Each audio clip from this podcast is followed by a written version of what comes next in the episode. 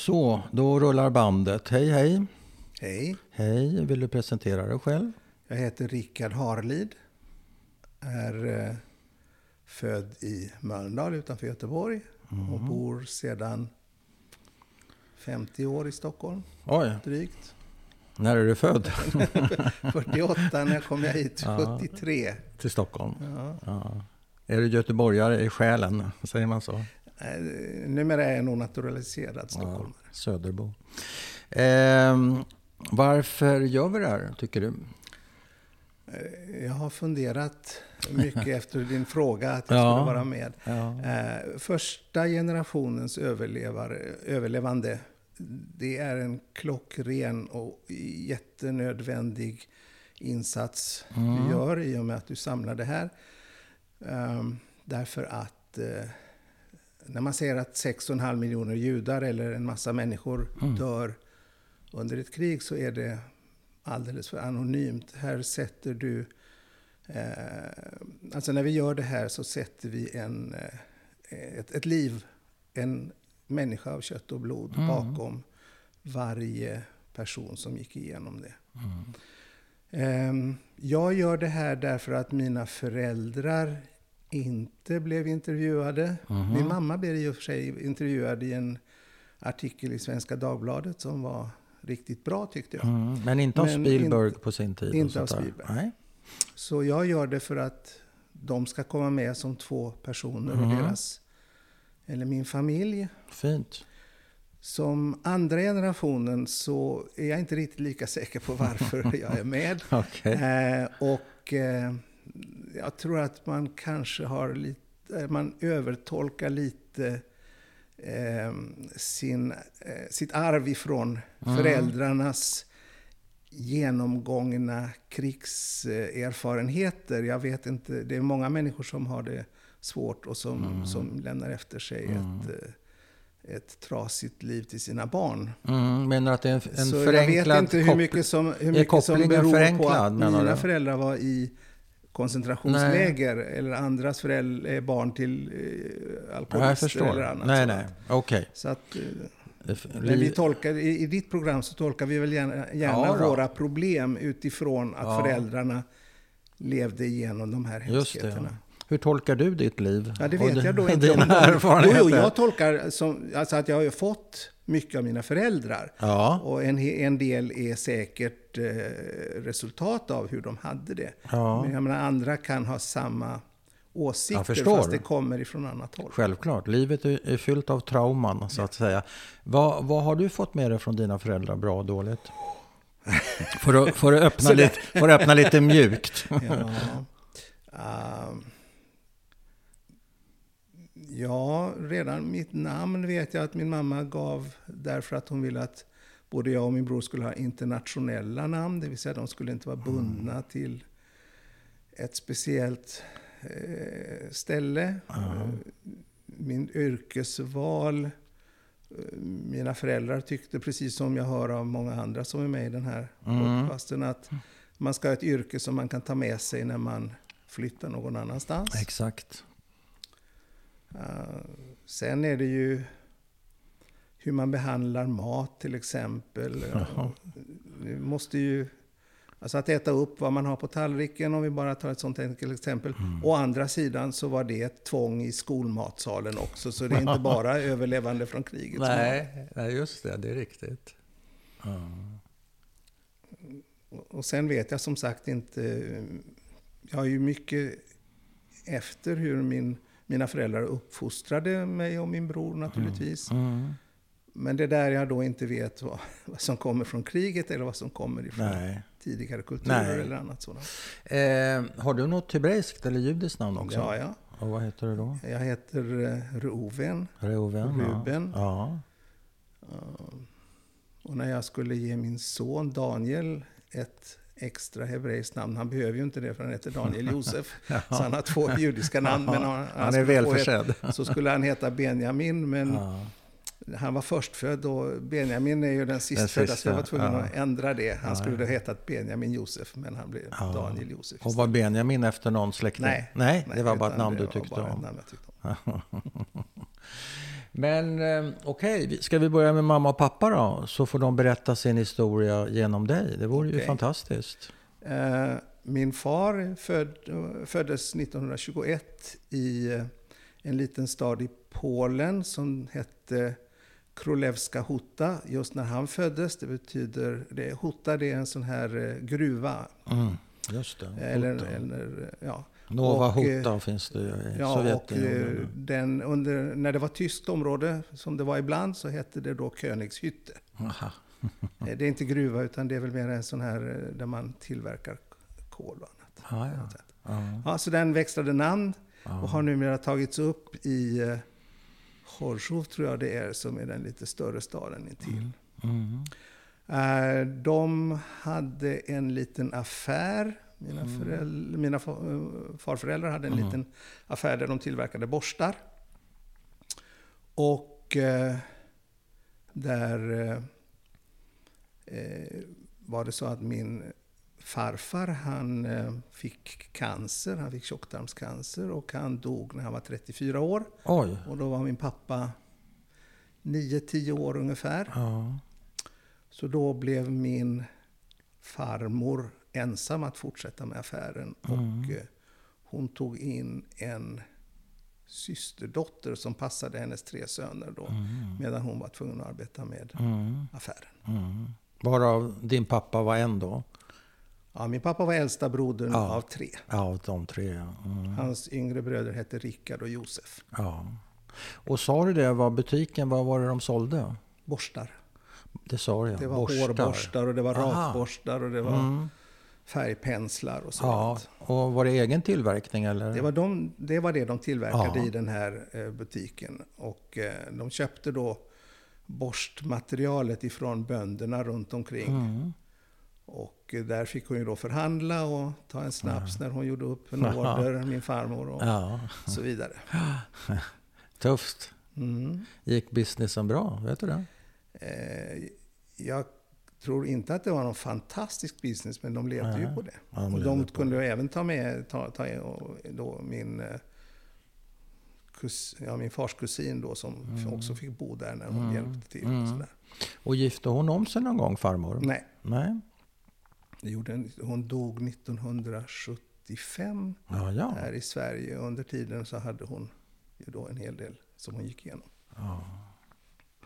Okej, okay. och vad händer sen då i, i denna lilla by och med pappa uh, och familjen? Mina, min far och min farmor och den här, alltså min far och hans, tre, hans två bröder och mm. min farmor och mm. den här kvinnan med flera. De eh, flyttade till gettot i Piotrkov Tribunalski. Mm. Jag tror att det beror på att min fars farmor eller någonting i den stilen kan ha kommit därifrån. Jag vet inte varför, för det är ju en bit Aha. att ta sig dit. Ja. Det är ju inte nästgårds. Och varför de valde det gettot, det kan jag inte svara Nej. på. Men det var inte så att de var tvingade dit bara? Det, Rakt upp och ner? Nej, jag, jag har sökte de sig dit? Så någonstans i... Alltså, mycket av det jag har därifrån, det är ju liksom fragment ja. som inte... Vi har aldrig satt oss och gått igenom Nej, händelserna okay. genom kriget. Utan det här är sånt som liksom har dykt upp lite mm. här och där. Okej, okay, men de kommer dit? Så de kommer till Piotrkov Tribunalski någonstans runt 40-41. Mm. Kan inte riktigt svara på det. Nej. Um, och dit kommer också min mor. Hon uh, föddes 1922 i Lodz. Hade en yngre syster som hette Lilly. Och vad hette din mor? Min mor hette Selina. Selina, okej. Okay. Och på hebreiska hette hon Tsipora. Tsipora. Och hade hon något smeknamn dessutom? Ina. Ina, mm. Ina? Ina. Ja, okej. Okay.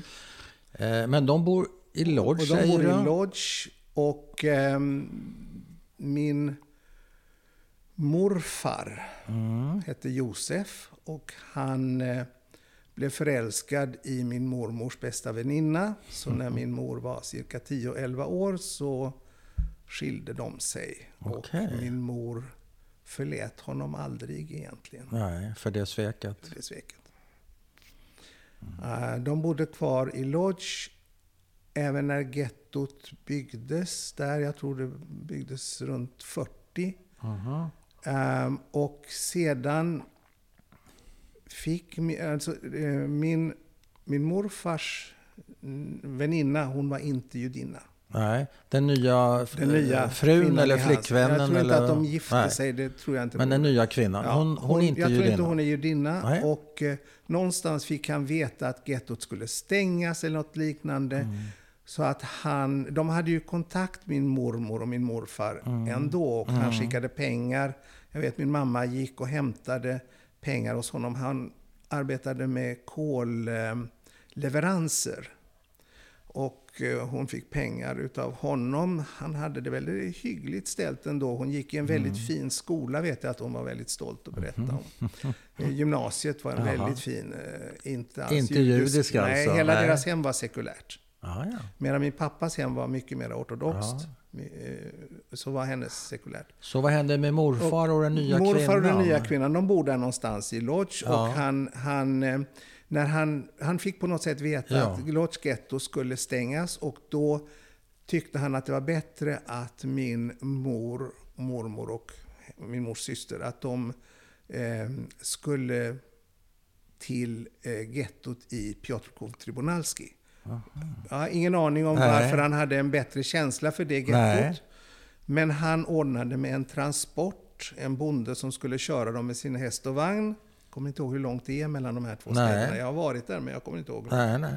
Och den här bonden, han, det här var på vintern tror jag, och han lämnade dem till sitt öde efter halva vägen. Så Oj, att, eh, han tog pengarna och stack. han tog pengar. Så de fick Shit. liksom släpa sig fram Åh. till gettot genom snön på något sätt. Det var tydligen väldigt eländigt. Och morfar då, vad gör han? Stannar han i Lodge? Eller? Ja, han, är, han bor ju med den här andra kvinnan inte, i Lodz. get, inte i gettot? Nej.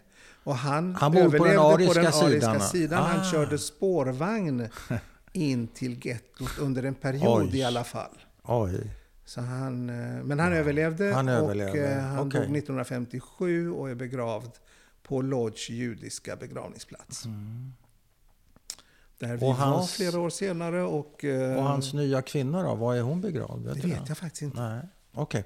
Men de här traskar då, det här är mamma och mormor och det var flera sa du?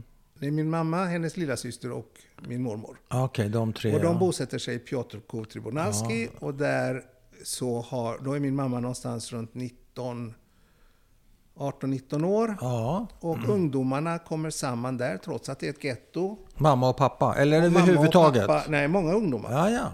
Och eh, nej, mm, pappa var inte riktigt min mammas första val. Hon hade en, en, eh, en hjärtevän som aldrig, eh, det blev aldrig någonting av. Han tog livet av sig.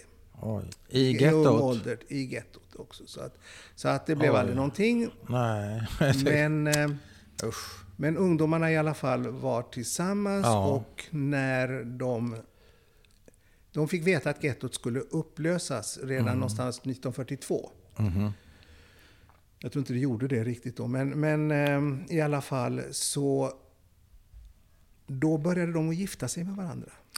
För de Okej. fick ju... För, för, för dem var det här slutet. De, de visste ju om koncentrationsläger och annat. Alltså de hade ju döden framför sig. Och då gifte man sig? Därför att man kan inte ha sex med varandra annars. Okej. Inte ens Så en har, jag i... faktiskt, så har jag faktiskt fått det också i blixtar någonstans Ja, ifrån. Att, ja. att många ungdomar gifter sig för att Ja. överhuvudtaget få Få ha sex. uppleva kärleken och få då vara tillsammans. Okej. Och min mamma och pappa gifter sig den 1 augusti 1942. Mm. Med, med rabbin I med rabbin. Ja. Och eh, då gifte sig fyra av vännerna, alltså fyra killar och fyra tjejer med varandra. Och vi har ett par goda vänner här i Stockholm. Som kom, de kom också till Sverige. Ja. Det underliga är att de gifte sig på samma dag, men de hade bröllopsdag med två veckors mellanrum. Det var inte så enkelt med Nej, tiden. det var inte så lätt. Så de Men gifter där sig gifte de där. sig 1942. Och är mamma, eh, med tanke på den här omskakande historien med pojkvännen som tar livet av sig, är hon kär i pappa tror du? Eh, Faktum är att, att jag tror att han vann henne ett par gånger. För han, han, han fick henne då naturligtvis. Ja. Eller ja, naturligtvis, men han fick henne då. Ja. Och senare, när de kom till Sverige, de kom inte tillsammans till Sverige, Nej, okej. så hade hon också hittat någon eh, ny. Ja. Men där vann han henne också en gång till och de levde sedan tillsammans. Ja. Så att, och i alla fall de sista åren var, ja, var hon ju väldigt öm mot honom. Och Mm. tog, han, han blev så småningom eh, dement och hon var hos honom på sjukhuset varje dag Mm. i fem års tid. Alltså, och matade och hjälpte. Och, så hon älskade nog honom, det kan man inte komma undan. Det gjorde hon. Det gjorde hon, men, men, eh, Men det inte, var liksom inte, inte hela valet tiden. alla, gånger. Hur tror du det påverkade pappa, pappas, jag vet inte, självkänsla? Pappa var, pappa var alltid förälskad i henne. Ja, upp det över han- öronen henne. han brydde sig inte om det, att han var två tvåa, timmar trea. på henne om hon var försenad. Ja. Det spelar ingen roll. Nej. Nej, Wow. nej, jag tror inte han... Han var inte en man som oroade sig särskilt mycket över saker och ting. Nej. Så det var hans kvinna och han Ja, älskade henne. Ja, ja, okej. Mm. Intressant. Så vad händer sen där? De gifter sig och hur hur många... Några veckor senare Ja. så, så ehm, blir de förda till koncentrationsläger. Ja, Och eh, vi var faktiskt med min mamma i Polen. Hon ville inte åka tillbaka till Polen. Båda mina föräldrar hatade Polen Alltså. värre än Tyskland. Var det har, så? det har du hört förut. ja ibland så hör man det. Ja. Min pappa var, han kom aldrig över, ja, ingen av dem egentligen kom över sitt hat mot Polen. det antisemitiska Polen. Min pappa gick i ett gymnasium där de var två judar, det var numerus clausus. Ja, Det fick en, och min, hans rektor sa, jag är antisemit men jag är rättvis. okej. Ah, så det var ingen som hymlade med Nej, att det, det var antisemitism. Och, eh, så det här kom de aldrig över. Nej. Men eh, hon, Men var- berättade att de, de blev då förda till, till tågstationen där på, Ja. eh, i Piotrkov Tribunalski. Och kom på olika tåg. Hon åkte till Ravensbrück, Ja. det här kvinno... Get, eller kvinnokoncentrationslägret. Ja, Och han åkte till Buchenwald. okej. Och hon berättade hur alla skrek till varandra i tågen för att liksom lokalisera, me mellan de här olika Ja. tågsätten som stod på stationen. Det. För att lokalisera varandra. Men hade de sorterats upp då eh, till olika... något sätt. Ja, så det var inte fritt val eller de Nej, hade inte kommit nej. ifrån... Nej, men nej, givetvis inte. Men det... Dum fråga. Men det var inte så att de hade kommit ifrån varandra av misstag utan det Nej. var en medveten uppdelning alltså. Okej. Skri- Skriker de något till varandra? Vet du det? Eh, Hon, Eller var det bara Det var- kaos? det var bara kaos. Ja, det var kaos. Okej. hon var mycket rörd när, hon, när vi stod där på stationen. Ja. Och hon berättade det för oss hur det hade varit. Så på något sätt så kände hon hur, hur det hade känts Kände det igen. då. Hur gammal var hon då? Vet du det? När vi var i Polen. Ja. Hon måste ha varit runt 80 år någonting. Va- Vet du vad som fick henne att ändra sig då? Eftersom hon var Nej, så... hon, hon ändrade sig aldrig. Men, Nej, men, att åka, hon, jo, eh, var inte det hon första... åkte tillbaka till ja, Polen? var inte det Mm. första besöket så att säga? Hon hade pratat med många. Hon ändrade sig lite grann när Ja. hon såg Holocaust-filmen. Ja, ja. Ehm, och sen var det vänner som åkte med sina barn och visade dem Okej. hur de hade bott Ja. och så. Och då sa hon, det kan jag också tänka mig att göra. Ja. Och vilka är ni som åker då? Då åker min fru och jag Ja. med henne. Ja. Och min dotter, faktiskt. Ja. Gabi, Gabriel. Eh, hon var med och så åkte vi, egentligen skulle vi åka till Polen med ett par goda vänner. Och då hakade hon på och Ja, våra ja. vänners mamma Jaha. från Israel Mm. hakade också på Mm. med eh, hans, alltså med sin dotter. Mm. Så att det var två äldre damer som då hade varit där under kriget. Blev det en bra resa för mamma det där? Det blev en på sätt och vis, men vi hade så mycket annat också så hon var lite besviken att vi inte fördjupade oss mera i allt det som hände. Men vi var ändå i Lodz vid hennes hem. Hon berättade Ja. var hon bodde. Hon berättade hur tyska soldater slog henne med bajonett när de stal hennes radio när de Ja. gick runt eh, Ja. innan gettot. Och, ehm, eh, så vi, vi såg hennes hem och Mm. allt sånt. Rev det upp mycket? i henne? Jag tror inte det. Inte? Tror Hon var intakt? Ja. Hon var en Wow. mycket bestämd kvinna och Ja. hon lät sig aldrig eh, böjas av det Nej. faktiskt. Men du sa att när hon stod där på, vad sa du, deportationsplatsen så att säga. Så, så, det rörde henne? Ja, Ja, okej. Mm, Men det var egentligen det enda under den Ja, det vet resan? jag ju inte, men, Nej, men som du hon, såg. hon pratade ju hela tiden Ja. helt, helt logiskt och så vidare. Och hon var lite besviken på det, att du, att du ägnar åt lite andra grejer? Ja, lite grann. Lite grann får jag nog erkänna. Jaha, var det jobbigt? Ja, när hon berättade att hon, eh, eh, hon... Hon upplevde att den resan var för att hon skulle kunna överlämna Ja. sitt liv till Ja. oss. Och den, där ingick då så mycket andra saker i den resan att Mm. eh, det lite grann störde henne, tror jag. Jag förstår. Så vad händer då? Hon kommer till Hon Ravensbrück, kommer till Ravensbrück och där är också min pappas mamma. De var ju alltså redan gifta, så de, Ja. de kände ju varandra nu. Ja. Så min pappas mamma var i Ravensbrück med henne och de åkte även till Bergen-Belsen senare. Och man får nog säga att min farmor räddade livet på min mamma. För i slutet av... Alltså när, när freden kom och de då alla hade tyfus Ja, och, var så ris- där, och ja. fick all sin mat. Det har du ju hört också tidigare. Så, Ja. så dog ju ett antal för att de inte klarade av Det det här. fett, och där, där höll min farmor styvt på att de fick Wow. inte äta mer än lite potatis och lite sånt. Vad klokt. Och det räddade min mamma som då sedan åkte med vita bussarna till, till Sverige. Och, och, Mm. Och- att hon, och farmor och farmor också? var kvar.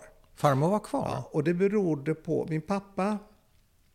Min pappa han var med sin, en av sina yngre bröder, Josef, som var den yngste brodern, han var sex år yngre. ehm, var han i Buchenwald och när kriget tog slut så blev de uttagna till de här dödsmarschen som vi kallar det efteråt. Alltså de Just skulle det. marschera från ett läger till ett annat. Mm. Och där orkade inte min farbror Mm. med den här strapatsen. Han fick min pappas jacka på sig för han frös. Mm. Han hängde på min pappa och tyskarna såg det. Mm. Så de förde honom åt sidan och sköt honom Med jackan på sig. med jackan på sig. Är de på väg till Bergen-Belsen eller Jag vet, vet, faktiskt Nej. inte vart de är på väg. Okej, men det är en dödsmarsch. Det är... Men det är en sådan marsch i alla Och allt fall. det där och det här, pappa. var, det här var tre dagar innan kriget tog slut ja. i det området. Han blev väldigt upprörd förstås. Jaha. Och han rymde på natten till en lada där de gömde sig i höet. Och Ja. blev hittade av tyskarna nästa dag. Oj. Och det, man fascineras över denna noggrannhet som tyskarna hade. Mitt ute under marsch så visste de ändå vem som fanns där och vem som inte fanns där.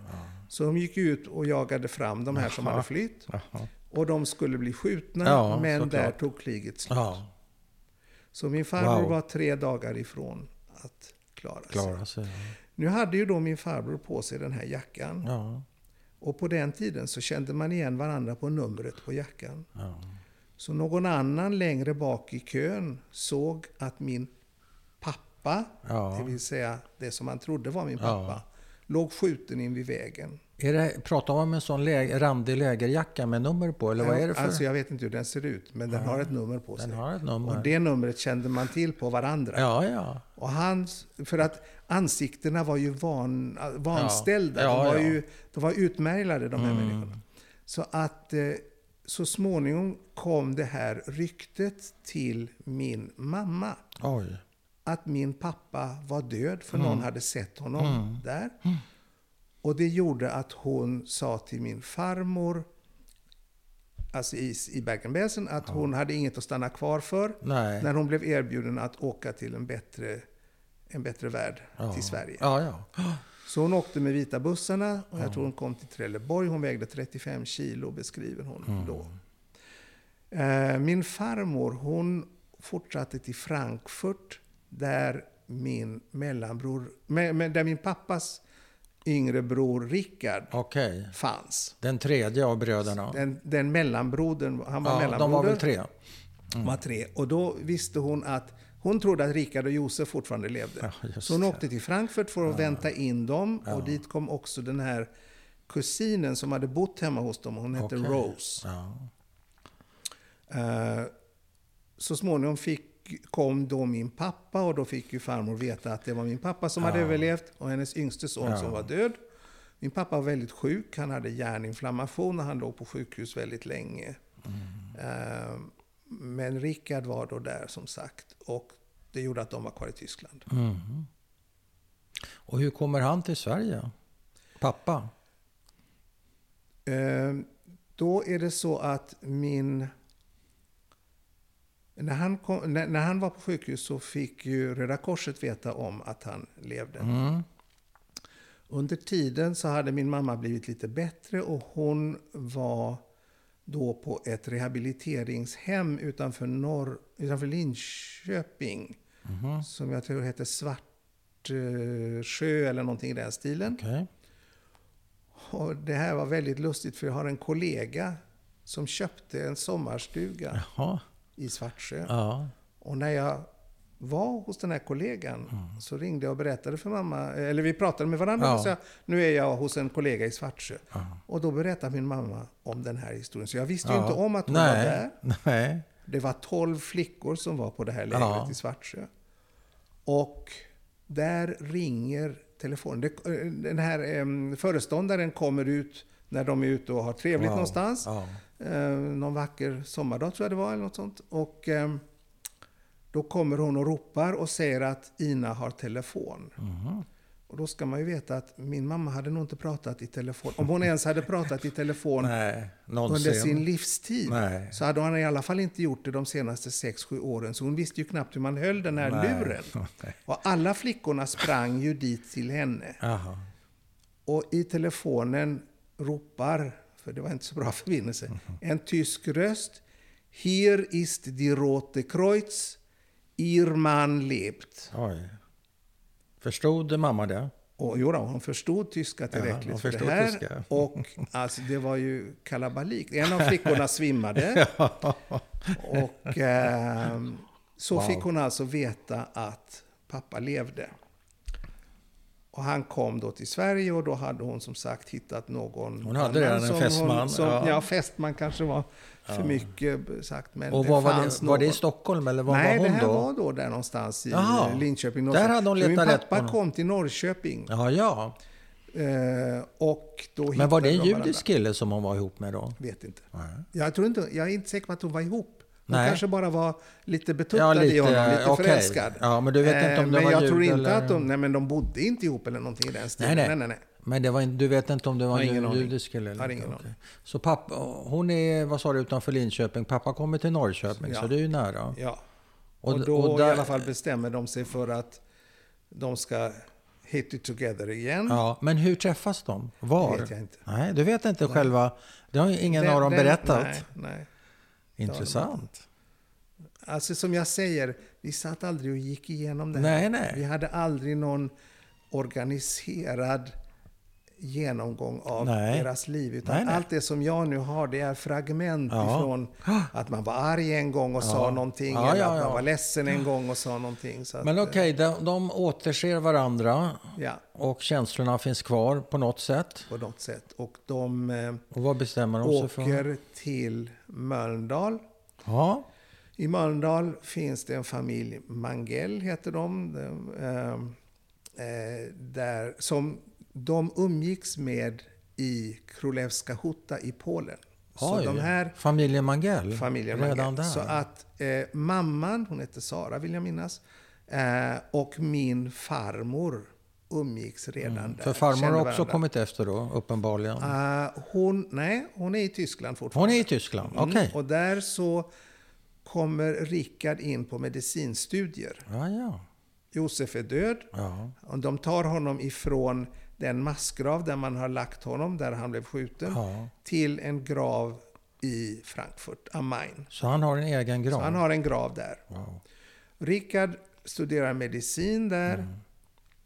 Och ehm, han går ut med sina kompisar. Och efter ett par års medicinstudier så går han ut en sommar och går och badar med sina kompisar.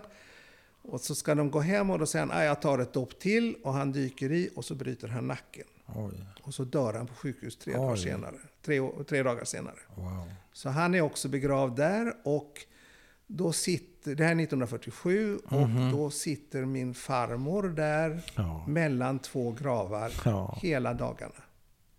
Oj. Och då beslutar sig min pappa för att hon måste komma till Sverige. Så han hämtar henne. Och det här att Rickard dör och att min farmor är så upprörd, det gör att jag blir till. Nämligen? Eh, Min mamma ville, inte ha, min, min, min mamma ville ha ett liv som alla runt omkring henne. Ja. Så när hon kommer så vet hon, även de, får, de, de kommer till Mölndal där Mangells bor, för Mangells ordnar för dem arbete ja men vilket år? Är det här 40? 45 kom, eh, 46 kommer de 46 till är vi framme vid då. Okej. Mm. 47 kommer 47 farmor. kommer farmor. Men min mor, hon är övertygad, hon ska få ordning på allting innan hon, hon ska ha lägenhet, Ah. hon ska ha allting i ordning innan hon ska ha barn. Okej. Men uppenbarligen så går hon med på att skaffa barn redan 47. Och jag föds 48. Ja. På grund av min farmors... Ja, alltså på grund av den olyckan som är Är det för att bryta hennes depression så att säga? Eller vad är Kanske är det. vad Ja, är- ja, alltså jag upplever att det, att, att det tidigare las med att få barn Ja. på grund av det här. Ja. Så Okej. Mm. att mamma ger med sig på något sätt. Och Fungerar det? lustigt, lustigt, ja men jag blev ju till. Ja, det fungerar det. Det var inte det jag frågade. Jag frågade om Lustigt. bröt hennes depression. Nej, det gjorde det. Det vet jag faktiskt inte. Men, men jag menar, det är svårt att förlora sina barn på det viset. Ja, det är det. Men ehm, det Men lustiga är att jag faktiskt föds med samma datum som min farbror. Vem av dem? Den yngste. Han som heter Josef. Ja. Så jag har hans födelsedag och jag har Rickards namn. Ja, båda två. Så det blev Fint. en intressant... Ja. En intressant. Vilket, eh, vilket arv. Ja, precis. Hur blev det för dig? Jag kan inte säga att det eh, hade någon större påverkan. Nej. Jag läste ju medicin i och för sig så småningom. Men Kanske om det låg- det berodde på kanske- det eller om Nej. det berodde på att alla judiska pojkar ska vara läkare, Ja, det vet jag eller inte. jurister eller advokat. Men eh, jag tänker ändå på farmor. Eh, var, var hon en tungsint person resten av livet? Eller blev hon lite Nej, det, det kan jag inte säga. Det, hon på levde med oss i fem år, tills min yngre bror föddes. Mm. Under tiden, eh, om vi går tillbaka till 45-46, så den här Rose, Ja. den här kusinen, Ja. hon får ihop det med en amerikansk judisk soldat Jaha. som har varit och krigat mot tyskarna. Och han tar henne med till USA och ordnar affidavit för vår familj. Så vi skulle ha åkt till USA Så ni skulle ha allesammans. utvandrat. Och hon åkte dit för att liksom rekognosera. Ja, min ja. farmor åkte dit för att Ja. ordna så att vi skulle komma efter. Okej.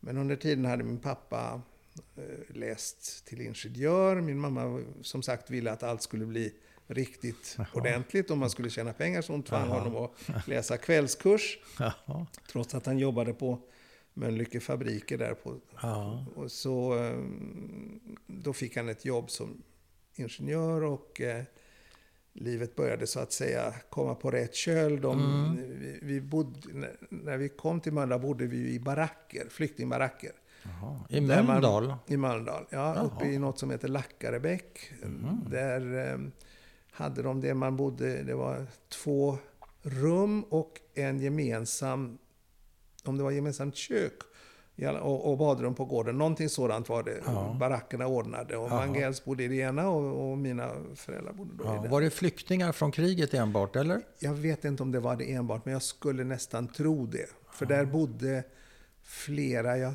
tror... Du hade ju Fischerbröderna Ja. på din podd. Jag undrar om inte deras föräldrar också bodde där ett tag. Mölndal låter bekant i alla fall. Om det och, var ja, precis och de där, flyttade vet sedan till inte. Krokslätt och det Ja. gjorde mina föräldrar ja, också. Ja, ja. Ett par frågor bara innan vi går vidare. Farmor, blev hon kvar i USA? Hon blev kvar till 1970. Ja, 60-talet kanske Ja. någonstans, 70-talet. Så hon, hon, hon bodde där många år och jag Ja. vet att jag besökte henne och bodde där en sommar 1962. Ja, ja. Men kom hon tillbaka till eh, Sverige sen? Sen eller? kom hon tillbaka till Sverige. Och varför? Hon hade ju sin, ändå sin enda son som var kvar i livet och hans barn. Och Ja. Mm. så, så att det var väl närmare än hennes eh, släktingar Och en annan grej, eh, du berättar om pappas eh, jobb och plugg på kvällarna. Och eh, det verkar som mamma kanske hade varit lite drivande. Jag vet inte. Mm. Eh, skaffade hon sig något jobb med tiden när, när ni blev äldre? Eller hur? Min mamma. Ja. Min mamma jobbade på kontoret där på Mölnlycke fabriker och började utbilda sig i ekonomi. Eh, och så småningom 1900... Ja, min, papp, min pappa fick ett jobb som handelsresande 1953, tror jag det var. Mm. Och eh, så småningom kom han inte överens med sin chef så han öppnade ett eget företag och där skötte min mamma ekonomin och han Okej. skötte försäljning Ja. inom laboratoriematerial. ja. Gick det bra? Det gjorde det. Ja. De var mycket var duktiga. drivande och var duktiga. Ja då, det var de. Och, Men eh, reste han mycket då, pappa? Han reste väldigt mycket. Då kunde han alltså vara borta 53, nästan då är du 14 fem dagar. år Då är alltså. fem år och då får min, vi- min lillebror, han föds Ja. 1953. Ja, ja. Så att min mor är hemma med två Mm. barn och arbetar ändå. Ett tag hade vi ett hembiträde faktiskt. Jaha. det låter ju lite lustigt. Ja, låter Hon gammaldags. Florence. Ja. Och, eh, Hade hon förklä? jag, kommer, jag kommer inte ihåg hur hon såg, såg ut. Nej. Det gör jag inte. Men, eh, Men eh, hann du glömma bort pappa mellan varven eller var han hemma på helgerna och sådär? Eller hemma, viss, ibland var han faktiskt bara hemma varannan helg. Ja, det är rätt så. Så det var långa perioder och det är klart att det var min mamma som hade hand om det. uppfostran Ja. stora, stora Och hur gick det då? Var hon, var hon en, eh, var hon en sorten som hot... När pappa kommer hem, då ska ni min... Var hon den sorten eller tog han hand Det om... hände nog. Det hände? Det hände nog, men hon brukade nog klara av Hon det satte gränserna. Hon, eh, Ja. hon, var- bestämd av sig. Ja. Hon eh, hade mycket bestämda åsikter om hur saker och ting skulle göras. Mm. Och det skulle göras ordentligt. Mhm. Det var... mm, Alltså, när man så småningom, 1961, så flyttade vi till villa.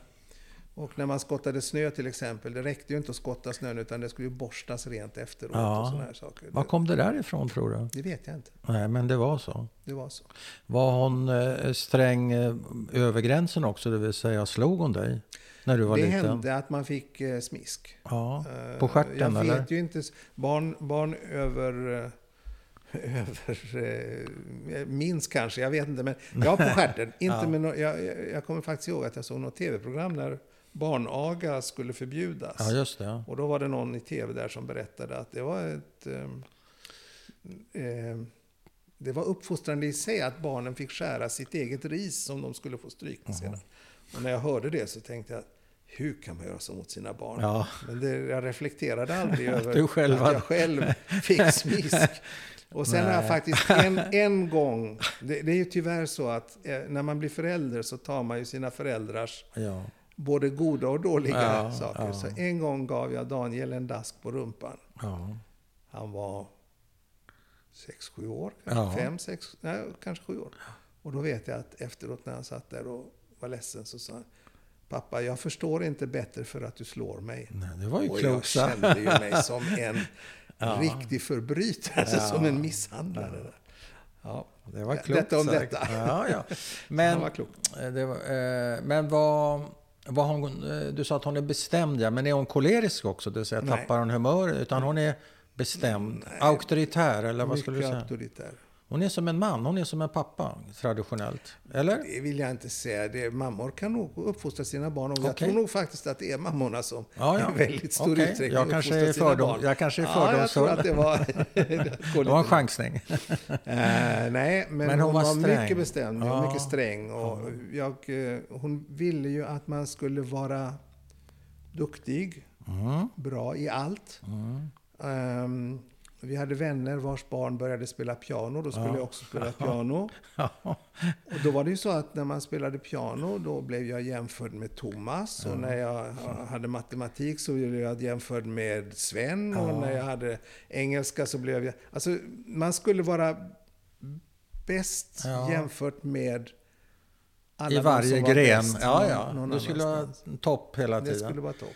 Och det mäktade inte jag med riktigt. Men eh, Hur reagerar, vad betyder det?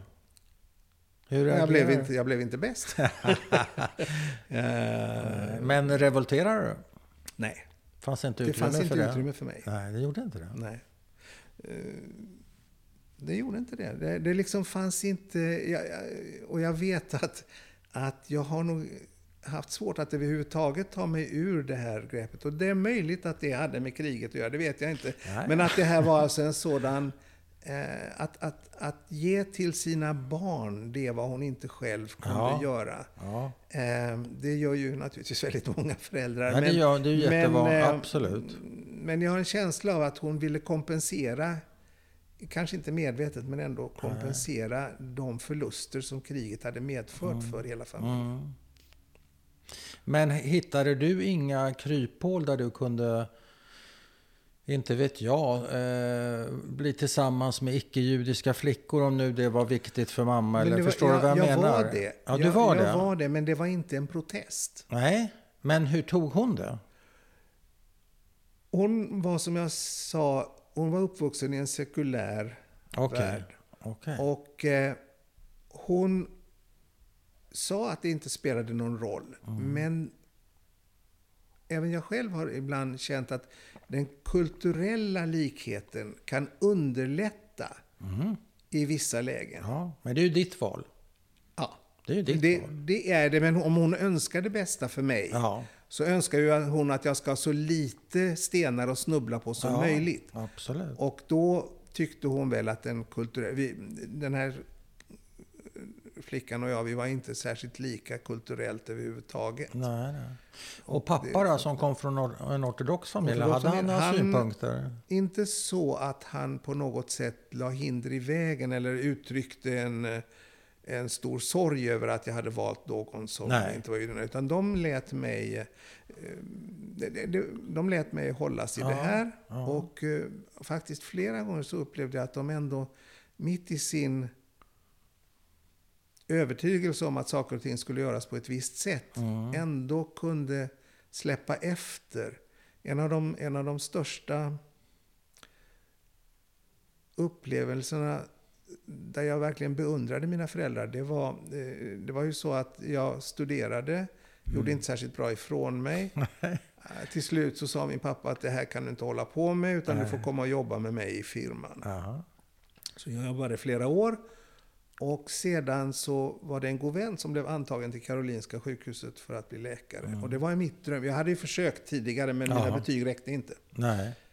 Men ehm, då hade man plötsligt ändrat reglerna så att man kunde komma in på ordförandeskap i Småfåglarnas vänner Jaha. och eh, olika Förenings- arbetslivets Ja, fa- ja, ja. Aha. Så jag kom faktiskt in. Jaha. Och eh, när jag då skulle berätta det för mina föräldrar. Jag var ju liksom framtiden i företaget. Jag skulle ju ta över företaget. Och jag berättade här att jag hade kommit in och hur ska jag nu göra? Du frågade? Jag frågade nog det och jag hade i bakgrunden också mina tidigare misslyckanden i Ja. studierna. Va? Ska jag nu hoppa på någonting som Ja. kanske inte ens blir någonting? Och jag fick fullt stöd. Mm. Jag, min mamma grät. För hon var väldigt orolig. Min pappa började redan då bli lite grann, inte senil kanske, men någonting. Det började redan att Aha. han inte klarade av att sköta det. Så min mamma var förtvivlad, men de båda stöttade mig att jag Ja, skulle fint. satsa på det här. Ja. Och jag måste säga att det, det är, jag är imponerad av det. Ja. Att man liksom har den åsikten att du ska göra så, det ska bli så här, men man har möjligheten att... Men din bror, var han skolljus? Ja, Ja. Så du, lillebror dessutom va? ja, fem år yngre, så Ja, han blev och han läkare. bräckte- han bräckte blev dig. läkare fem år innan Till jag. och med det? Och, eh, Hur påverkade det er relation? Alltså, att du- när att du vi var jämför- små, Ja. då slogs vi jämt. Ja. Vi kunde inte gå förbi varandra utan Nej. att klippa till. Jaha. Ehm, Men du Han var ju var- fem år äldre, så var du måste ju, du Ja, måste ha han vunnit. Var, ja, så var det väl kanske. eh, men eh, alltså, vi hade ju lite kul tillsammans också. Ja, ja. Men vi, vi, Men vi det var- bråkade jämt. Aha. Men någonstans när jag var drygt 20 och han var 17-18, då hittade vi varandra. Ja. Och vi var ute och seglade en hel del tillsammans. Jag hade köpt en segelbåt. Och, eh, vi, eh, vi hade väldigt bra Mm. tillsammans. Så jag kan inte säga att jag på något sätt... Jag tror inte ens jag var avundsjuk på Inte? honom eller något Nej. sådant. Utan Ingen som jag konkurrent. var bara imponerad. Han var duktig. Ja. Han gjorde det han skulle. Han, han blev läkare före mig. Han ja. gifte sig före mig. Ja, Han fick ja. barn före mig. Okej. Men det är sånt som händer. Men Jaha. det är liksom inte något jag har avundats. Men det var ingen eh, konkurrenssituation mellan er, upplevde du, vid de åren så att säga? Nej. Ja, skönt. Men, Men som sagt, han kunde revoltera, men det kunde inte jag. Vad revolterade han med? Han, blev ju, han var ju stjärnelev och... Eh, Ja, men, men han kunde göra sin vilja gällande på ett annat sätt. Okej. På ett sätt som du han inte... kunde bestämma sig för hur han skulle göra ja, det. ja. Jag var alltid lite velig och eh, Ja. liksom ville att det, de skulle acceptera att jag gjorde saker och ting. Men hade du mer förväntningar på det skulle du säga? Som den äldsta Förmodligen. kanske? Ja, det, det hade jag. Men jag tänker på det här att, eh, var det mamma som jämförde dig med alla andra duktiga som, som fanns runt omkring i olika ämnen? Eller var det pappa eller var det Det var båda? mamma. Det var mamma, ja. Hämmade det dig, tror du, den, eh, det förhållningssättet? Eller kände du dig uppmuntrad av det? Eller vad? Jag Frågetecken. tror inte att det hade, jag, jag tror inte det hade några större... Alltså jag, jag pluggade inte som jag skulle. Nej. Och då fick jag inte de betygen jag Nej. behövde. Och varför gjorde Min, du min bror till exempel, han, han, eh, slutade, han skulle också spela piano förstås. Ja, ja. Men det gick inte så bra och då sa han, Nej. gör inte jag det. Och så gjorde han inte det. Och du fortsatte? Och jag kunde inte sluta. Trots att jag många gånger inte var så duktig där heller. Nej. Utan liksom, då skulle man göra det för mamma sa att det skulle vara. Ja. Men eh, varför pluggar du inte ordentligt? Vad gjorde du istället snarare? Kanske? Ja, alltså när jag gick på En- en bättre universitetet. fråga. Så, ja, om man tar det. När jag eh, kom in på universitetet i Göteborg. Ja, Då var jag med i studentkör och studentspex och ja. ja. studentorkester. Och, eh, Du hade ju det intressen. var väldigt roligt, Ja. men det blev inte många knop Nej, nej, gjorda när det nej, gällde nej. plugget. Ja, men det förklarar det hela. Men betraktar du, betraktar du dig som under de här åren som modersbunden? Ja, alltid. Alltid? Ja, Ja, det får man nog säga. det får man säga. Ja. Min far var ju inte hemma så där väldigt Nej. mycket de första tio åren. Ända tills han, och även sedan när vi hade startat företag så reste han ju också Mm. kolossalt mycket. Så att eh, han hade inte det eh, Nej. dagliga inflytandet. Nej, men mamma hade det. Ja. Ja. Och det, det hade hon livet ut så att säga. Ja, Mm. får man nog säga. Njöt hon av det? Ja, du. För du var väl en, eh, som jag uppfattar dig, som jag känner dig lite, lite på marginalen, eller lite mer än på marginalen, som en rätt så snäll Ja, son. ja, Det är mitt intryck. ja. Så var det. Jag revolterade inte. Nej, du revolterar inte. Men led du av det då? Ehm, förmodligen så gjorde jag väl det till en viss del. Eh, det var ju inte så att jag gick och funderade på att jag inte kunde slå mig fri. Nej. Men jag vet att folk har ju, eh, eller folk, flickor kanske, har ju uppmärksammat mig på att min mamma hade lite väl häftigt Ja, inflytande. Ja. Har du något exempel som du vill bjuda på? Nja, det var nog, tror jag, mer att jag var tvungen att ha henne med på tåget hela Ja, tiden. du stämde av. Ja, jag tror det. Även om ni skulle ut och resa du och tjejen? Skulle jag tro. att Skulle mamma så, också ja. ha ett ord med Ja, men alltså om jag talar om att nu ska vi resa så kunde hon ju säga att ja, men nu har vi ju hela den här eh, da-da-da-da-da som ska hända där Ja, och där och det ja. passar ju inte så bra. Nej. Och då var jag nog mera... Eh, Då kunde du ställa in. ja, skulle kunna tro det. Skulle kunna tro det. Mm. Ja, du, du verkar ju inte... Eh, du är försiktig, så skulle jag nog uttrycka det, när det gäller att, att göra enkla sammankopplingar mellan föräldrarnas eh, erfarenhet från kriget, förintelsen och så vidare, överlevande, eh, till eh, hur de blev sen som föräldrar. Du vill inte göra det riktigt så enkelt för dig. Eh, men men fin- ser du några tydliga exempel där man verkligen kan säga att det här kan jag se kommer från deras krigserfarenhet och så här blev det för mig. För det, det är ju liksom din situation jag är intresserad av. Förstår du vad jag menar? sä- ja, jag, alltså, jag kan inte säga att det kriget gjorde dem, stukade dem tillräckligt mycket för att det skulle slå igenom till mig. Nej. Min pappa, han var en lite enklare man om vi säger. Han, han satt inte och filosoferade igenom allting. Nej. Eller, eller tänkte, han, han, han gjorde saker. Han var en, en macher som man säger på Mm. En doer. Han, han är Ja. doer, ja. Han, han eh, bestämde sig för saker och gjorde det. Min mor var mera orolig, men hon visste att hon ville ha saker och ting gjorda. Mm. Och det fanns liksom inte plats i det här för den egna själen, om vi nu ska kalla det på det Du viset. tittar upp i taket. Nej, nej, det var någon fågel Alltså. Eh, för det, det, alltså, om någonting inte fungerade, Ja. om någonting inte fungerar så säger man gärna den här förbaskade strykjärnet, det funkar inte. Eller den här symaskinen, eller titta här hur såsen skär sig. Eller sådär. Min mors då inställning var ju att skär sig såsen så är det inte såsens fel att den skärs. Om man inte får strykjärnet att funka så är det mer den som står bakom strykjärnet. Och har man den inställningen så släpper man liksom inte igenom, eller jag kände inte där att man Nej. släppte igenom eh, ångest eller andra sådana här känslor som ju ligger nära till hands. Mm. Hon var orolig, det var hon. Om det hade med kriget att göra det är svårt att säga. Men Ja, där- när, när till exempel min far eh, sa upp sig på sitt jobb och skulle Mm. starta eget. Och, min, och hans gamle chef var förbannad att han skulle starta i samma bransch och så vidare. Och skällde ut honom. Då, då la, han la bara ner luren och gick därifrån.